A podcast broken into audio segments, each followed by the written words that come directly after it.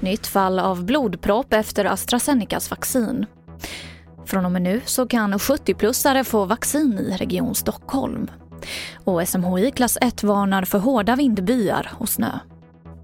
TV4-nyheterna börjar med att ett tredje fall av blodpropp i kombination med brist på blodplättar efter vaccinering med AstraZenecas vaccin har nu rapporterats i Sverige. Europeiska läkemedelsmyndigheten meddelade ju igår att man nu ser en möjlig koppling till AstraZenecas vaccin men nyttan anses ändå större än risken, inte minst för äldre. I Sverige har vi valt sedan några veckor tillbaka att vaccinera bara de 65 år uppåt. Och, och där har vi hittat väldigt en, enstaka fall av de här 30 miljoner. Så risken är otroligt lite att få den här biverkan i den gruppen. Det sa virusforskaren Ali Mirazimi. Från och med idag så kan personer i Region Stockholm som är födda år 1951, alltså 70 år gamla, vaccinera sig tidigare än planerat enligt SVT.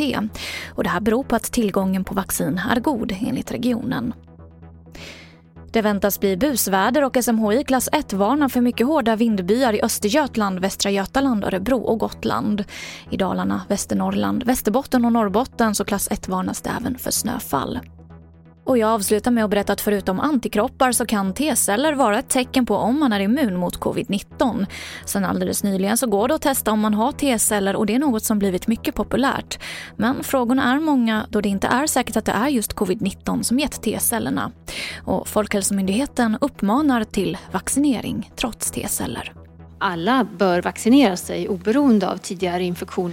Det går inte som vi ser det att skilja på en reaktivitet efter en genomgången eh, coronavirusinfektion från andra coronavirusar och covid-19 specifikt.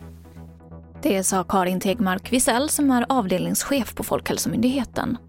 Och det var det senaste från TV4 Nyheterna. Jag heter Emily Olsson.